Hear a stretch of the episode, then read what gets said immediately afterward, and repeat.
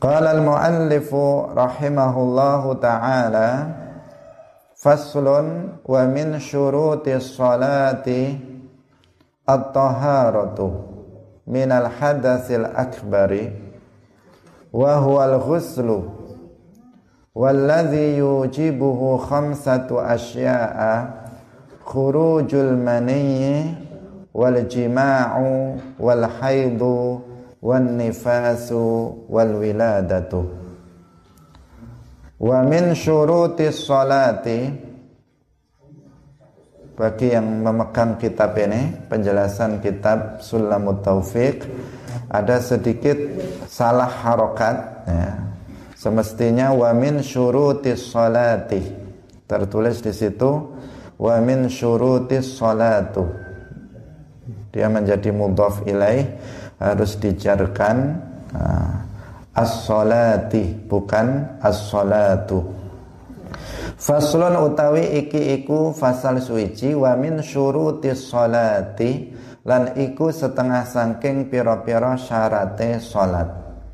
At-taharatu utawi sesuci minal hadatsil akbari sangking hadas gede. Wahwalan utawi wahwalan utawi taharah minal hadatsil akbar iku al-huslu atus waladhilan utawi perkara yujibuhu kang majipaken husl iku khamsatu asya'a lima pira-pira perkara. Rupane khurujul maniyyi metune mani wal jima'u lan jima' wal haidu lan haid. Wan nifasu nifas wal wiladatu lan nglairaken wa furudul husli lan utawi pira-pira fardune atus utawa rukune atus iku ithnani ana loro rupane niyatu raf'il hadatsil akbari niat ngilangaken hadas gede au nahwuha utawa padane niyatu raf'il hadatsil akbar.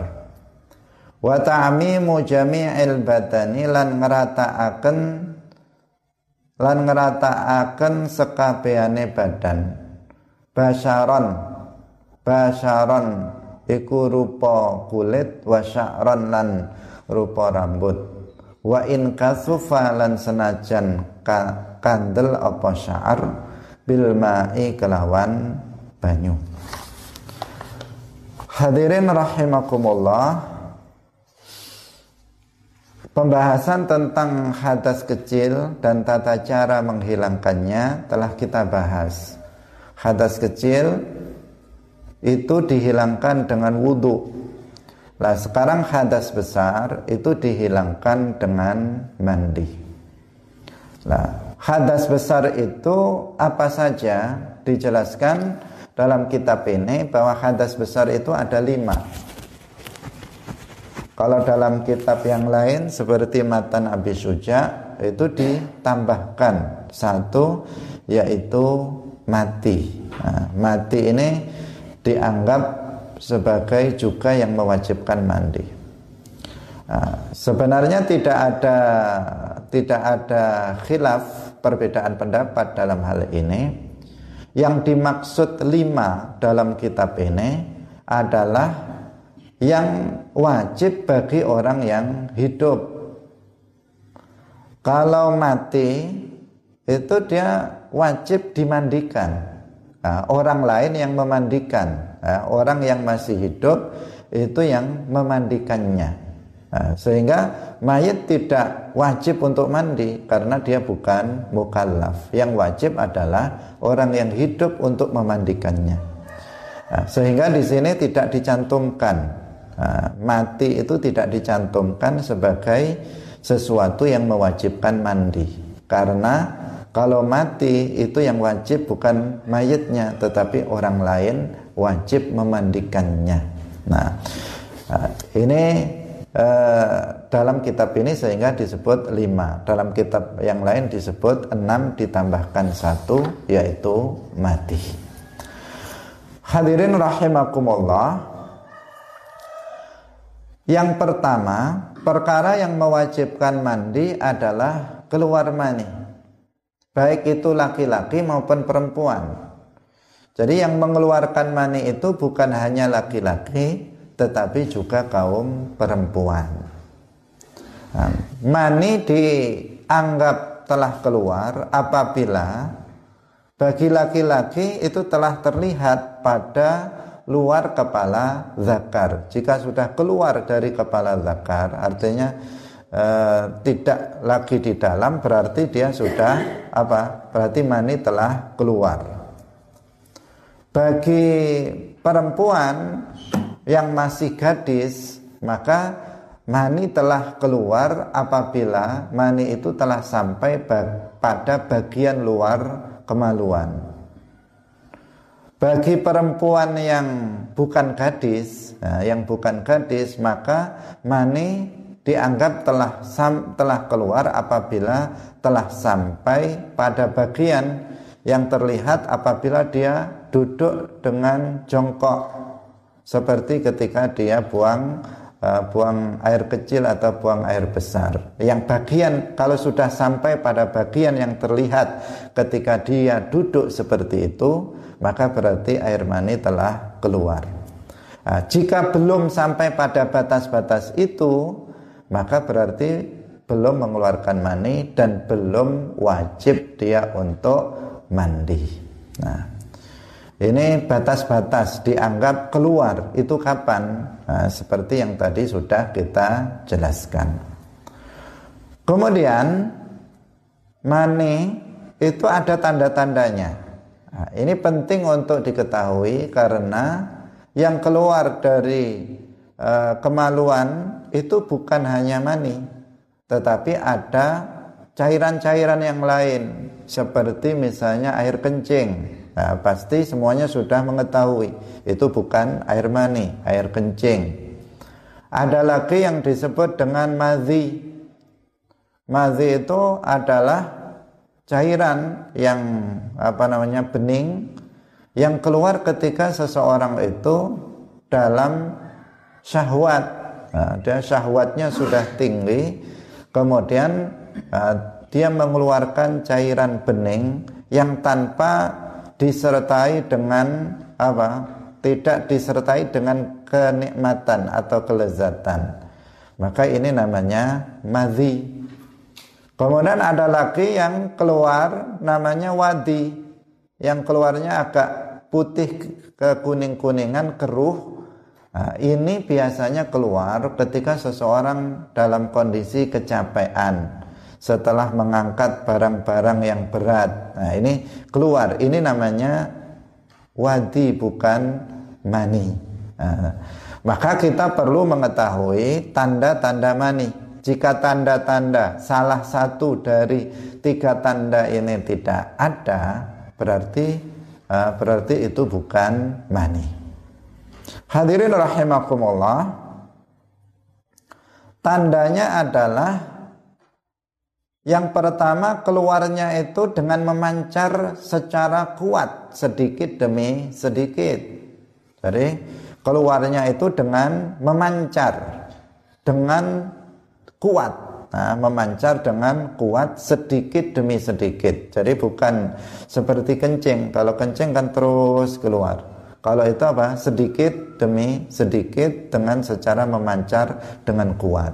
Ini tanda yang pertama kemudian yang kedua tanda air mani yang kedua adalah keluarnya itu dibarengi dengan kelezatan dan diikuti dengan terlepasnya syahwat. Jadi keluarnya disertai dengan kelezatan. Kemudian setelah itu keluar, maka kemudian terlepaslah syahwatnya. Ini berarti yang keluar mani, bukan yang lainnya. Ini tanda yang kedua. Tanda yang ketiga adalah ketika masih basah, maka baunya seperti bau adonan. Dan ketika sudah kering, maka bentuknya seperti putih telur. Ini tanda yang ketiga. Eh, ini salah satu, salah satu dari tiga tanda. Bukan seluruhnya itu harus ada. Karena artinya tidak harus salah seluruhnya itu dia menemuinya. Misalnya seseorang tidak tidak apa namanya menemui keseluruhan. Misalnya seseorang melihat tiba-tiba uh, dia bangun tidur.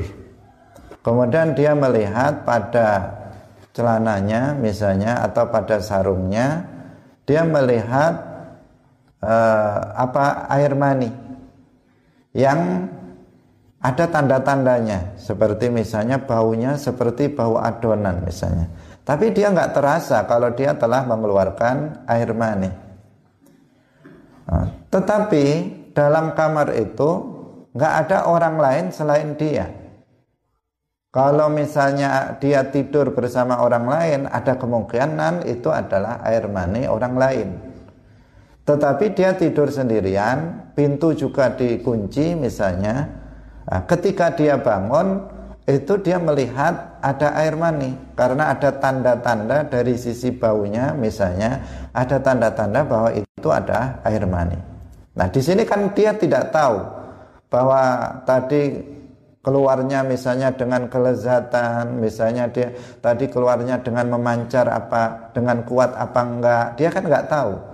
Taunya sudah ada di sarungnya misalnya ada air mani dengan tanda-tanda yang ketiga. Maka di sini berarti dia wajib mandi. Karena berarti itu adalah air mani dari dirinya karena nggak ada orang lain yang apa namanya orang lain yang ada di situ yang kemungkinan itu milik orang lain tidak nah, hanya dia yang ada di situ berarti Eh, dia wajib untuk mandi. Hadirin kaum muslimin muslimat, pemirsa yang dirahmati oleh Allah Subhanahu wa taala. Kemudian yang kedua. Yang kedua adalah jima wal jima'u. Nah, jima atau hubungan suami istri yaitu memasukkan hasyafah atau kepala zakar atau kadarnya bagi yang tidak punya khasyafah dalam farji meskipun pada tubur. Nah, jadi farji itu baik kubul maupun tubur bagi seorang perempuan kubul maupun tubur itu termasuk farji.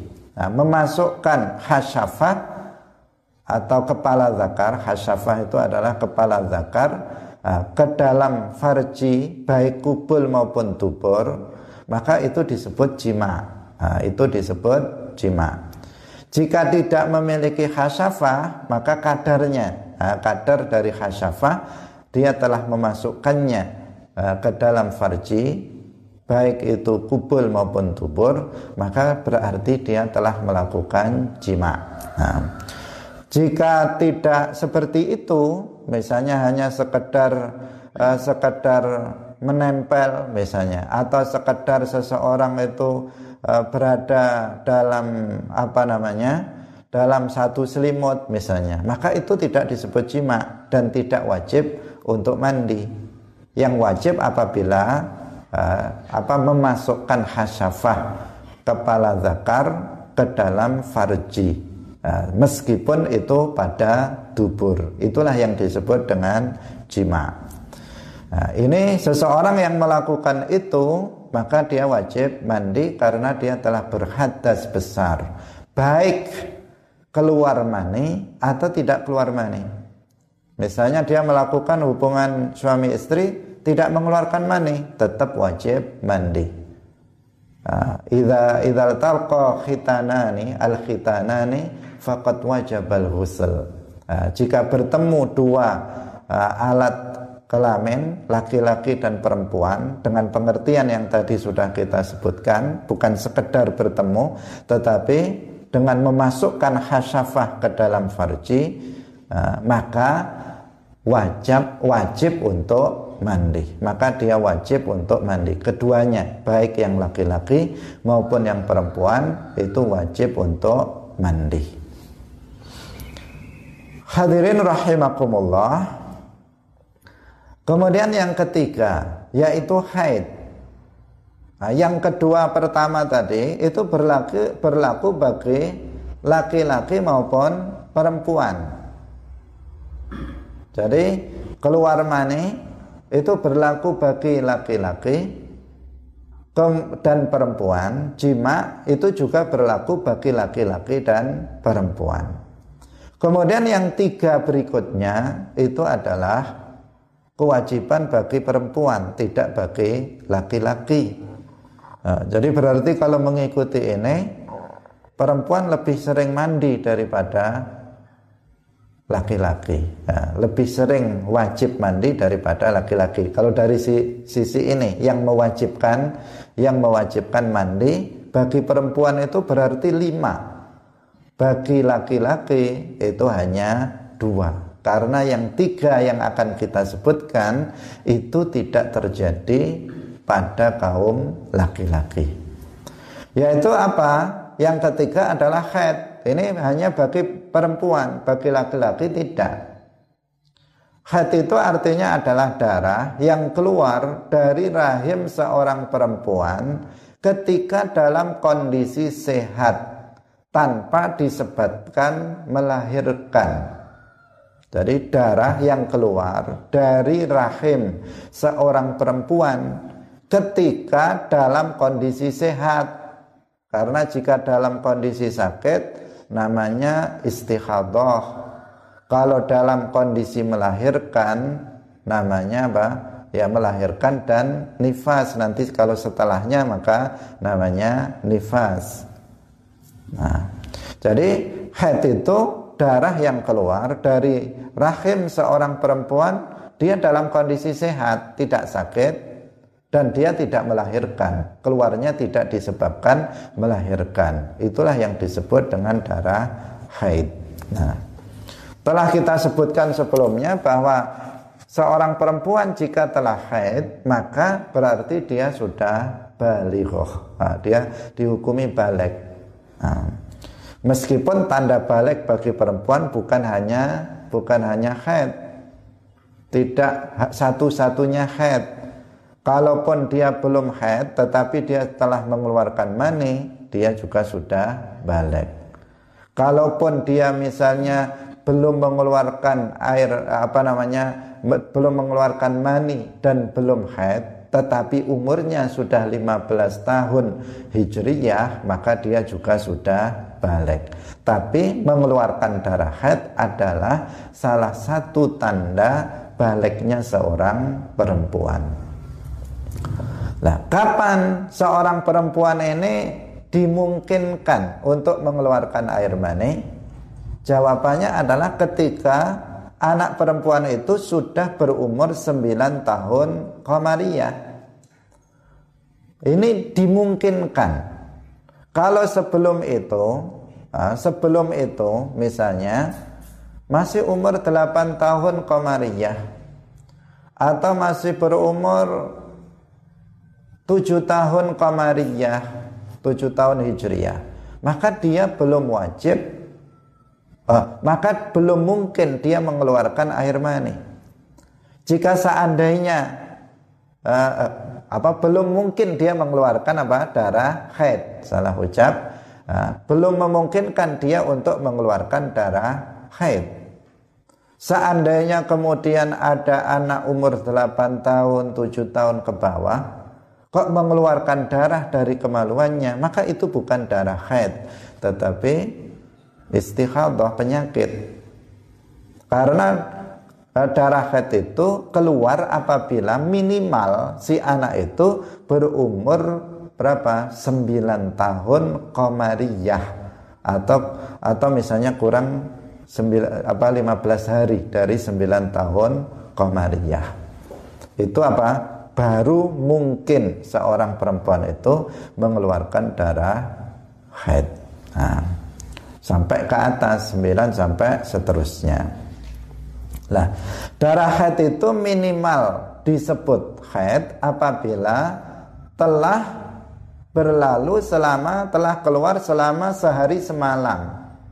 atau 24 jam sebelum mencapai batas 24 jam maka tidak atau belum bisa disebut sebagai darah haid. Baik secara terus menerus keluarnya maupun terputus-putus.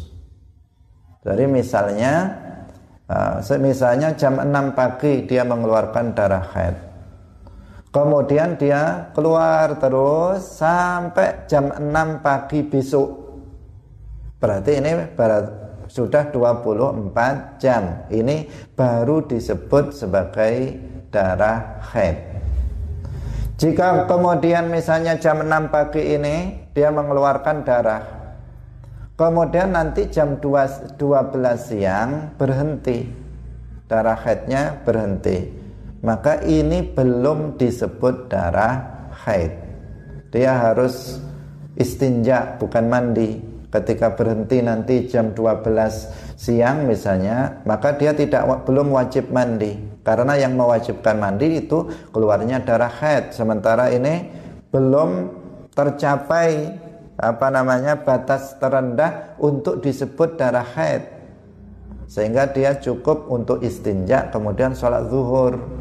Bukan mandi Nah, kalau mandi untuk biar dingin ya nggak masalah. Tapi kalau mandi wajib itu belum. Karena apa? Karena dia belum dianggap haid.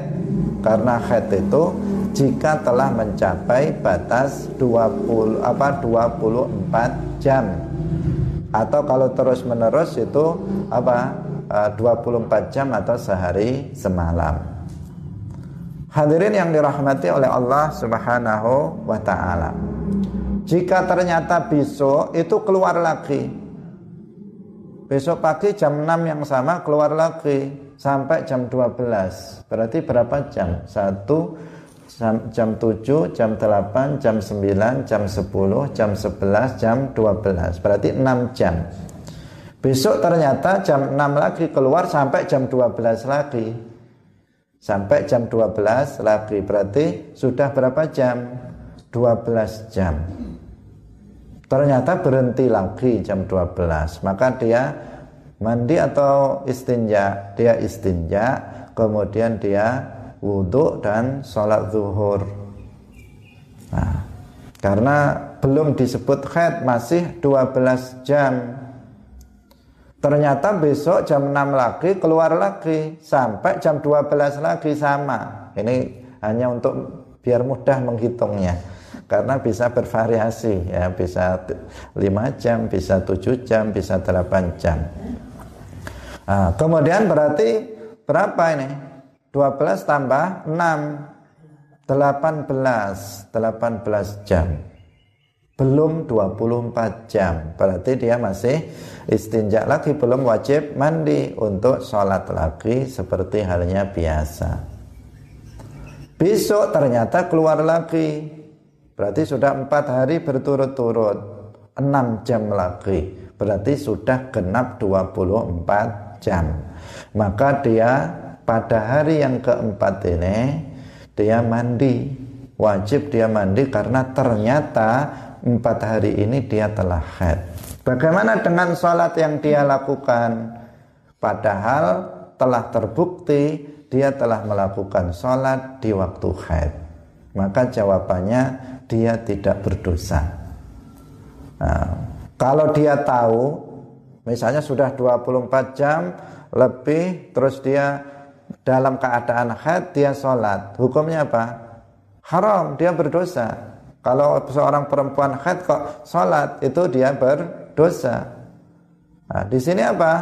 di sini zahirnya secara lahiriah dia belum haid karena belum mencapai 24 jam. Makanya dia sholat. Ternyata setelah empat hari terbukti dia itu haid berarti sholat yang dikerjakan selama empat hari dia akan sholat zuhur, sholat asar, sholat maghrib, sholat isya, sholat subuh. Karena haidnya pas bukan waktu sholat. Maka di sini bagaimana? Nah jawabannya dia tidak berdosa. Karena dia melakukan sesuai apa yang lahiriah. Yang tidak terlihat dia tidak tahu manusia itu e, melakukan sesuatu sesuai yang yang terlihat saja yang zahir saja. Sementara yang batin maka itu bukan bukan wilayah kita. Kita tidak mengetahuinya. Kita kan nggak tahu apakah nanti setelah setelah 6 jam ini besok akan keluar lagi. Dia nggak tahu setelah 12 jam apakah nanti akan keluar lagi besok dia juga nggak tahu Nah, setelah 18 jam ini apakah nanti akan keluar lagi dia juga nggak tahu. Nah, jangan-jangan tidak keluar lagi. Kalau tidak keluar lagi, memang dia belum haid, dia tidak haid dan dia memang wajib untuk mengerjakan sholat. Nah, hadirin yang dirahmati oleh Allah Subhanahu wa taala. Hati-hati bagi kaum perempuan, jangan kemudian apa? Begitu apa namanya? haid kemudian terputus-putus Ah, di tengah putusnya itu kemudian dia nggak sholat nah, dia nggak sholat padahal dia itu belum belum pasti bahwa yang keluar itu adalah darah haid yang berikutnya pada umumnya haid itu adalah 6 atau 7 hari. Tadi kita katakan minimal itu sehari semalam atau 24 jam. Baik secara terus-menerus maupun secara terputus-putus. Nah, sementara umumnya itu adalah enam hari atau tujuh hari. Dengan kata lain satu minggu. Itu umumnya perempuan. Nah, maksimal itu 15 hari termasuk masa-masa bersih itu 15 hari. Misalnya ada satu hari kok bersih misalnya itu terhitung dari waktu 15 hari. Itu apa? Maksimal. Tidak lebih dari itu. Nah hitungan ini adalah berdasarkan madhab syafi'i. Berbeda dengan madhab yang lain nanti. Dalam madhab syafi'i dasarnya adalah istiqra' tidak ada penjelasan secara detail dalam Al-Quran maupun hadis. Al-Imam Ash-Syafi'i radhiyallahu anhu bertanya kepada kaum perempuan melakukan penelitian Nah, orang per orang ditanya, kamu haidnya berapa hari? Ditanya, oh sekian. Kamu berapa hari? Sekian. Kamu berapa hari? Sekian. Sampai kemudian menyimpulkan bahwa kebanyakan perempuan itu haidnya lamanya 6 atau 7 hari, satu minggu. Ada juga yang sampai 15 hari, ada juga yang cuman sehari semalam. Nah, berarti diambil kesimpulan hukum bahwa minimal darah haid itu adalah 24 jam sehari semalam. Umumnya 6 atau 7 hari. Maksimal 15 hari. Nah, ini uh, apa namanya cara beliau dalam apa namanya menentukan hukum tentang darah haid. Hadirin rahimakumullah. Yang berikutnya yang keempat nah, tentang permasalahan haid tentu banyak sekali apa namanya hukum-hukum terkait yang mesti kita pahami. Tetapi pada dasarnya tadi yang telah kita sampaikan. Ada satu lagi hal yang penting, nah, hal yang penting untuk juga dipahami oleh uh, oleh seorang perempuan. Ketika seorang perempuan itu melihat darah keluar dari farjinya, maka dia wajib meninggalkan semua yang diharamkan bagi perempuan yang haid tidak harus menunggu 24 jam. Nah, dikhawatirkan nanti salah paham. Tadi telah kita katakan apa? Baru disebut darah haid apabila sudah 24 jam. Nah, di sini perlu untuk kita ingatkan agar tidak salah paham. Ketika seorang perempuan dia melihat nah, darah keluar, maka seketika itu dia tidak boleh lagi melakukan sesuatu yang haram bagi orang yang haid meskipun itu belum tentu haid. Bisa dipahami? Misalnya dia melihat darah haid. Maka dia udah melihat darah haidnya pas pas waktu zuhur. Maka dia jangan uh, dia melihat darahnya apa? Waktu zuhur. Baru mulai keluar. Kalau baru mulai keluar kan belum tentu itu haid. Maka dia sholat zuhur apa tidak? Jawabannya tidak. Jangan dia sholat zuhur. Meskipun itu belum tentu haid. Nggak usah sholat zuhur. Nanti asar masih keluar. Nggak usah sholat asar. Begitu menjelang maghrib ternyata berhenti. Berarti belum bukan bukan disebut haid, belum disebut haid. Maka dia harus sholat maghrib. Bagaimana dengan zuhur sama asarnya? Nah, nanti dilihat apakah darah itu nanti akan keluar lagi apa enggak. Jika ternyata ternyata itu komplit 24 hari eh 24 jam maka berarti haid, berarti dia tidak wajib mengkodok sholatnya yang tadi dia eh, yang apa namanya tadi dia tinggalkan. Tetapi jika ternyata setelah maghrib itu berhenti sudah nggak keluar lagi, terbuktilah bahwa darah yang tadi keluar itu bukan darah haid. Maka berarti dia wajib untuk mengkodok sholat zuhur dan asar yang dia tinggalkan. Karena ternyata dia nggak haid. Tapi dia sudah meninggalkan sholat berdosa apa tidak? Dia jawabannya tidak berdosa. Perempuan itu tidak berdosa. Karena apa? Zohirnya ketika itu dia mengeluarkan darah. Maka ketika dia kemudian tidak sholat ketika itu maka dia tidak berdosa. Tetapi dia wajib untuk mengkodoknya. Karena ternyata dia telah meninggalkan sholat padahal dia tidak sedang haid tapi dia tidak berdosa. Kodok tetapi dia tidak berdosa. Hadirin yang dirahmati oleh Allah Subhanahu wa taala. Dan masih banyak persoalan-persoalan yang lain bagi kaum perempuan hendaknya dia belajar secara khusus tentang permasalahan ini.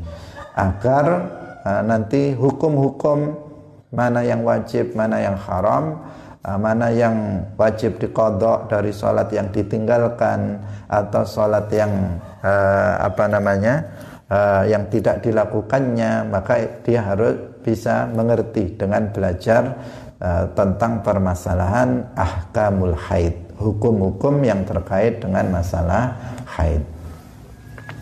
Yang berikutnya adalah nifas. Ini yang keempat. Yang mewajibkan mandi adalah nifas. Nifas itu adalah darah yang keluar setelah lahirnya seorang anak bukan darah yang keluar bersamaan dengan keluarnya bayi, bukan.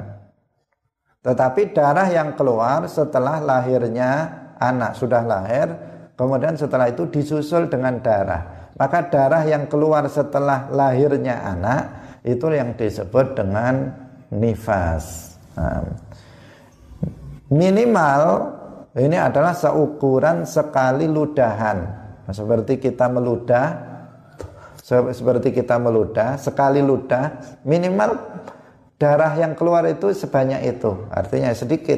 Nah, itu minimal. Umumnya darah nifas itu keluar selama 40 hari. Itu umumnya.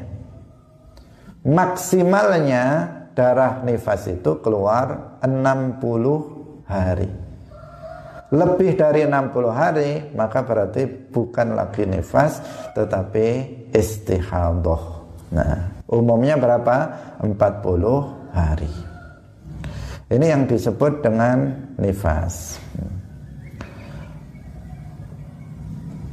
Kemudian yang kelima adalah wiladah. Wiladah artinya melahirkan. Nah, melahirkan.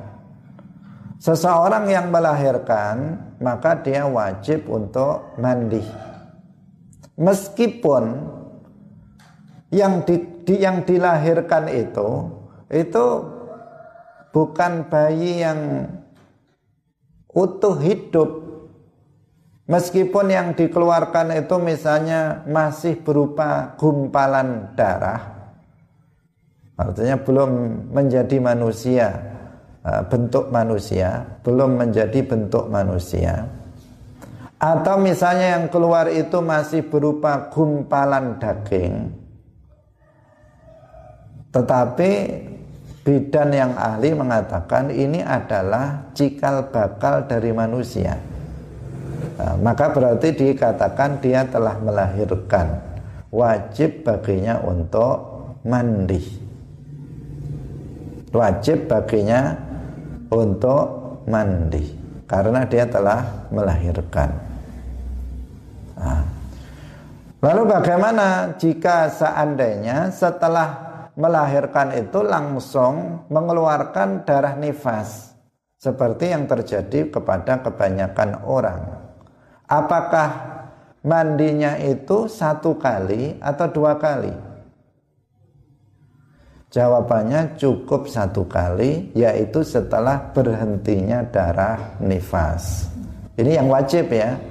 Kalau yang nggak wajib ya terserah mau mandi lima kali, sepuluh kali sehari nggak ada masalah. Ini kita berbicara mandi wajib. Nah, mandi yang wajib satu kali. Ketika misalnya seseorang itu melahirkan, setelah melahirkan langsung nifas, mengeluarkan darah nifas. Maka wajib mandinya itu adalah setelah berhentinya darah nifas. Yang setelah melahirkan tadi kalau mandi kan ya dia tetap berhadas besar karena bersambung.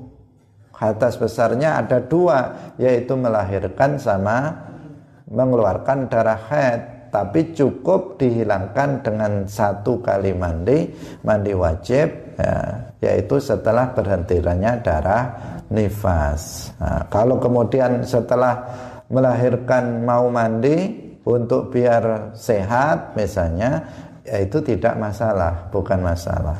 Nah, yang yang apa namanya yang uh, yang wajib itu adalah ketika uh, da, apa namanya su, sudah tidak berhadas lagi maka dia baru mandi untuk menghilangkan hadas besar. Kalau seandainya dia setelah melahirkan itu mandi untuk menghilangkan hadas besar ya nggak bisa wong dia masih berhadas. Hadasnya apa? Hadasnya berupa nifas. Dia mengatakan saya niat menghilangkan hadas besar. Sementara dia masih terus mengeluarkan darah nifas. Berarti kan bagaimana itu? Uang masih berhadas besar kok menghilangkan hadas besar. Nah, tidak tidak bisa. Karena itu mandi wajibnya setelah berhentinya darah nifas. Kecuali apabila ada jeda. Dia melahirkan, kemudian nggak mengeluarkan darah nifas, maka dia mandi eh, untuk melahirkan. Setelah itu beberapa jam dari melahirkan, kemudian dia mengeluarkan darah nifas. Nah ini lain lagi, tadi dia mandi dari wilada, melahirkan, kemudian setelah itu ternyata keluar darah nifas. Maka yang mandi yang tadi sudah sah sebagai mandi wajib menghilangkan hadas besar berupa melahirkan. Nah, jika kemudian mengeluarkan darah nifas, maka darah nifas dimandi sendiri nanti di belakang setelah berhentinya darah tersebut. Tetapi jika langsung begitu melahirkan langsung keluar darah, berarti nggak ada jeda di sini. Maka mandi wajibnya setelah selesai dari darah nifas, setelah berhenti dari darah nifas untuk mandi wajibnya. Hadirin yang dirahmati oleh Allah Subhanahu wa taala, tapi sekali lagi bukan larangan untuk mandi. Nah, nanti dipahami oh kalau gitu jangan mandi. Nah, tidak untuk mandi setiap hari kita juga mandi meskipun itu bukan mandi wajib. Hadirin rahimakumullah, selanjutnya kita masuk pada tata cara mandi. Tentang rukun-rukun mandi. Nah, di sini dijelaskan karena kitab ini menjelaskan ilmu fardu ain. kebanyakan ilmu fardu ain. Sehingga yang disebutkan di sini adalah rukun-rukunnya. Nah, sunnah-sunnahnya mandi tidak dijelaskan dalam kitab ini. Nah, karena kalau dijelaskan maka nanti akan di sini banyak sekali sunnah-sunnah mandi. Tetapi yang kita jelaskan hari ini yang disebutkan dalam kitab ini adalah yang pokok agar mandinya sah. Kalau untuk menambah pahala maka dia melakukan hal-hal yang sunnah. Tetapi untuk sah, mandinya itu sah, dianggap telah hilang hadas besarnya, itu apabila memenuhi rukun mandi. Dan rukun mandi itu hanya ada dua. Nah, rukun mandi hanya ada dua. Yang pertama adalah niat. Yang pertama adalah niat. Sebagaimana wudhu, rukun wudhu yang pertama adalah niat. Rukun mandi yang pertama juga niat. Nah, karena innamal a'malu bin niat. Sebagian amal perbuatan baik itu baru sah apabila dilakukan dengan niat. Itu makna hadis tersebut. Nah, dalam niat ada beberapa ketentuan yang harus kita perhatikan agar niatnya itu sah. Maka harus diperhatikan. Yang pertama adalah letak niat itu di dalam hati. Sebagaimana dalam wudhu letaknya itu di dalam hati, dalam mandi letak niat juga berada di dalam hati. Tidak cukup hanya diucapkan dengan lisan, nawaitul husal akbar misalnya nawaitu raf'al hadatsil akbar. Dengan lisan saja tidak cukup tetapi harus juga dengan hati. Jika dipadukan keduanya lisan dan hati maka itu lebih utama. Nah, itu yang sunnah seperti itu. Jadi uh, hukumnya sunnah maksudnya yang seperti itu. Lisannya mengatakan nawaitu uh, misalnya dia mengatakan nawaitul ghuslal wajib.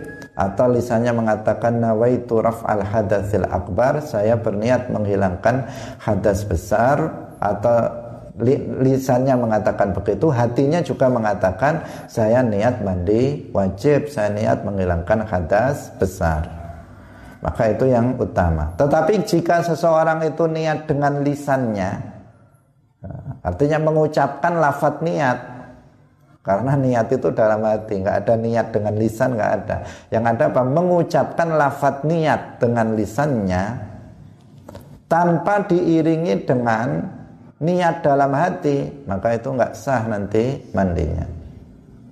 Nah, karena yang pokok itu niat itu adalah fil di dalam hati. Ini yang pertama. Yang kedua, niat itu dilakukan bersamaan dengan membasuh bagian pertama dari anggota badan. Jadi membasuh bagian pertama dari anggota badan.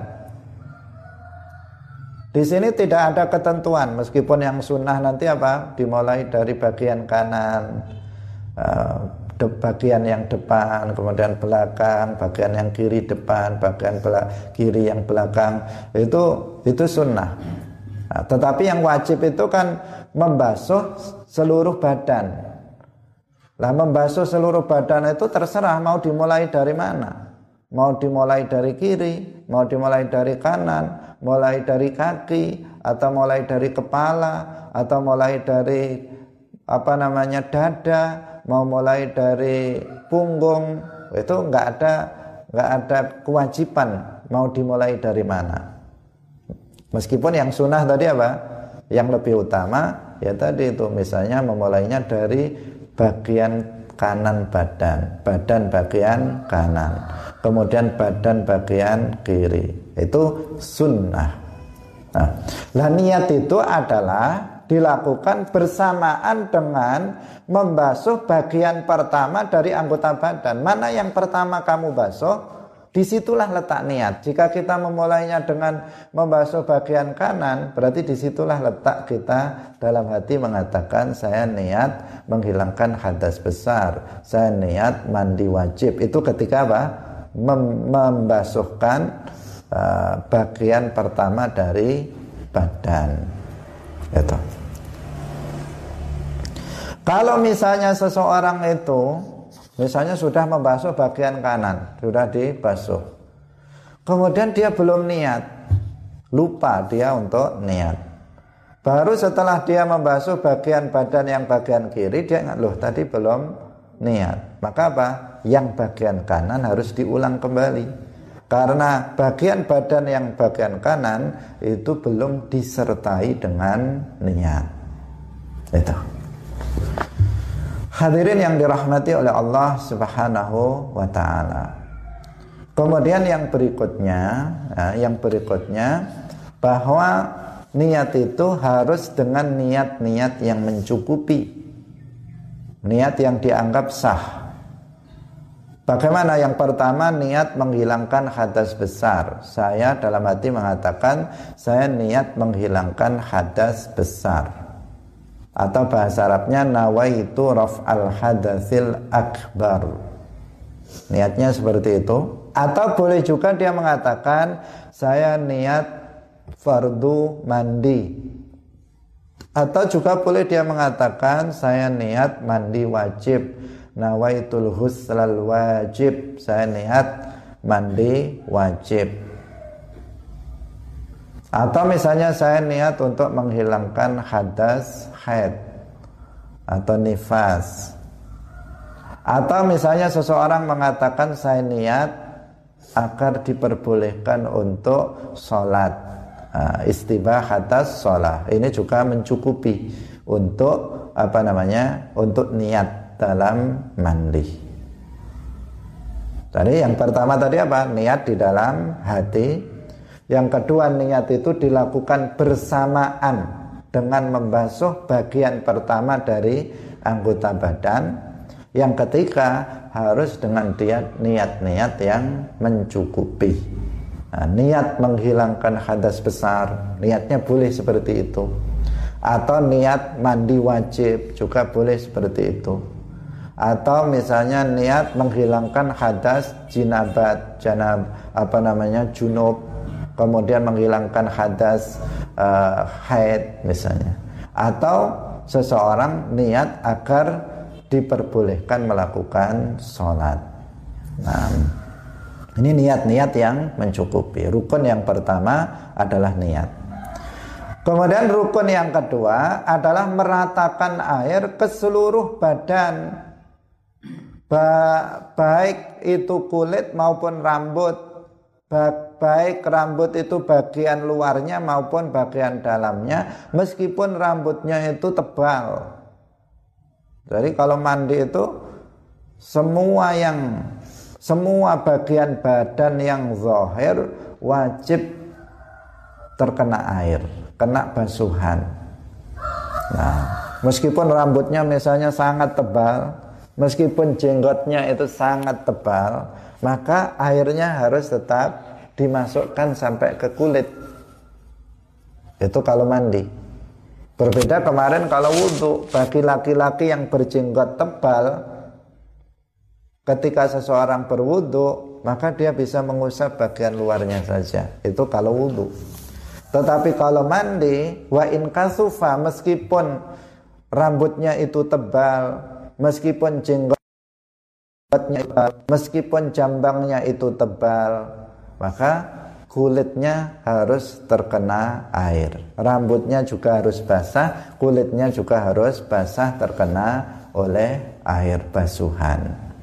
Itu kalau dalam mandi. Tetapi Bapak bagian zahir nah, bagian zahir kemarin kita sebutkan kalau mata tidak termasuk apa namanya bola matanya, tetapi bagian luar ketika dia memejamkan mata ini yang wajib kena kena air. Kalau misalnya hidung, lubang hidung yang bagian terlihat dari luar, tidak harus sampai masuk ke dalam. Bagian mulut ya hanya ketika kita mingkem ketika kita begini tidak membuka mulut bagian yang uh, apa merah atau hitam bagi yang ber apa warna hitam itu apa itu yang terlihat saja itu yang wajib dibasuh terkena oleh air ketika dia mandi. Nah, harus rata, harus rata. Maka di sini yang perlu diingatkan berkali-kali adalah bagi uh, seseorang bagian-bagian yang uh, bagian-bagian yang nyelempit uh, itu harus diperhatikan. Apa bahasa Indonesia-nya itu bagian yang nyelempit. Misalnya uh, pusar, pusar itu kan terkadang begini, dia ada bagian yang nyelempit apabila dibasuh begitu saja ada bagian yang nanti masih kering. Nah di sini harus dipastikan dengan misalnya diratakan dengan tangan agar airnya itu masuk ke dalam uh, ke, ke apa ke dalam uh, bagian yang uh, harus dibasuh. Misalnya juga bagi laki-laki, misalnya bagian kemaluan, itu ada bagian yang di situ terkadang dia uh, apa namanya uh, me, apa apa namanya ngelempit uh, ngelempit yang dia harus dibuka agar dia kena uh, kena air kalau tidak dilakukan seperti itu maka nanti airnya akan tidak masuk demikian juga bagi orang-orang yang berbadan gemuk orang yang berbadan gemuk mandinya harus lebih berhati-hati. Kalau dia hanya sekedar menyiram, menyiramkan air, maka bagian yang selempitan-selempitan kulit itu dia air akan berjalan di atasnya tidak akan masuk ke dalam selempitannya. Maka dia harus harus di, dipastikan itu airnya telah masuk uh, ke dalam selempitan apa namanya uh, badannya yang gemuk itu. Nah, pokoknya Pak dipastikan bagian zohir dari badan itu harus seluruhnya basah oleh air baik kulit maupun rambut seluruhnya telah basah dengan air. Hadirin yang dirahmati oleh Allah Subhanahu wa taala. Kemudian yang diperhatikan di sini jadi masalah mandi maupun wudhu ini harus diperhatikan betul-betul. Harus dipastikan keabsahannya. Kenapa? karena ini menentukan sholat kita. Jika mandinya nggak sah wudhunya nggak sah maka sholatnya otomatis nggak sah. Makanya di dalam hadis Rasulullah Shallallahu Alaihi Wasallam bersabda at-tuhuru syatrul iman. Bersuci itu adalah bagian dari iman. Karena apa? Karena dengan bersuci maka ibadah yang dia lakukan itu bisa sah, bisa dilakukan, dia bisa sholat dengan benar dan seterusnya. Nah, tanpa itu sholatnya tidak sah sehingga dikatakan apa namanya at-tuhuru syatrul iman. Bahkan sebagian ulama memaknai al-iman di situ dengan sholat bahwa suci adalah bagian dari sholat karena suci adalah syarat sah dari sholat. Demikian pengajian kita pada pagi hari ini. Semoga bermanfaat bagi kita. والله الموفق إلى أقوام الطريق. بارك الله فيكم. والسلام عليكم ورحمة الله وبركاته.